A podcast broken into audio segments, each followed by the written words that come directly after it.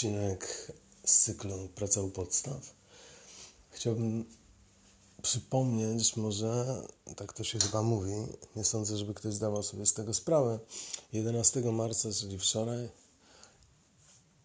tylko że jakieś 50 lat wcześniej, albo może 70, umarł facet, który nazywał się Aleksander Fleming i jest absolutną legendą na tym świecie, dlatego że to on wynalazł penicylinę, a penicylina stała się czymś, co było mega potrzebne, właściwie prowadzące do wszystkich antybiotyków. Tym samym pan Aleksander Fleming uratował życie pewnie miliardowi ludzi.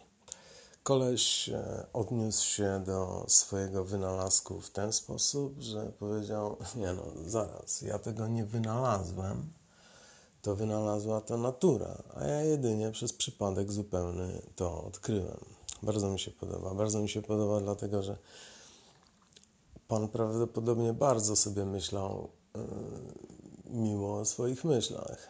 To jest to, że jeżeli, tak mi się wydaje, że, że jeżeli ludzkość ma przerwa, prze, przetrwać w ogóle tę swoją yy, egzystencję, to mi się wydaje, że to jest myślenie, do którego musimy zacząć zmierzać, że, że to nie jest nasze.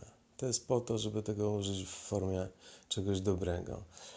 Jeszcze, jeszcze jeden był facet, który jest również na liście moich idoli. On się nazywał chyba Jonas Salk i koleżka e, no, opracował szczepionkę na polio. E, widziałem takiego jakiegoś krótkiego mema z nim, że koleś miał bardzo podobny mm, cytat stwierdził, że to w ogóle opatentowanie tego absolutnie nie wchodzi w rachubę, to powinno służyć wszystkim ludziom. On miał dość długą historię z tą jego szczepionką. W każdym razie ktoś wziął i to policzył.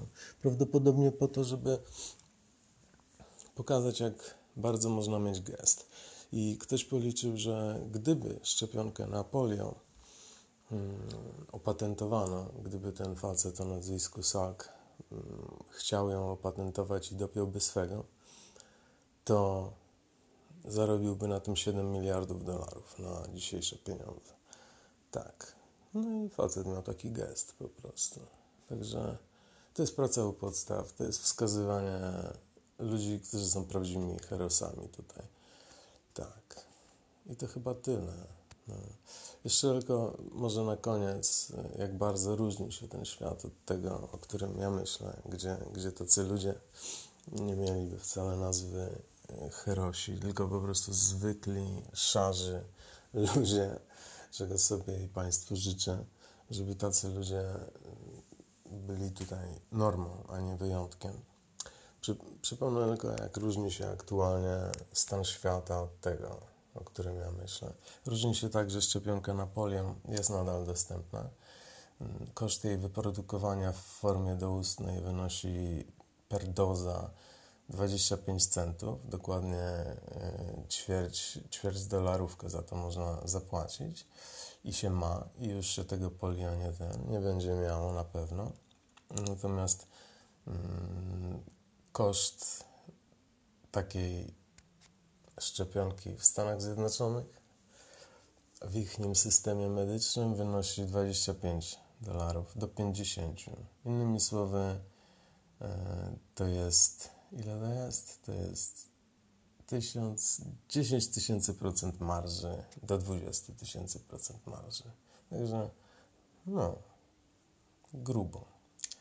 E, chciałbym życzyć Wam dobrej nocy. Czule szepczę Wam do łóżka kolorowych snów. Dobranoc.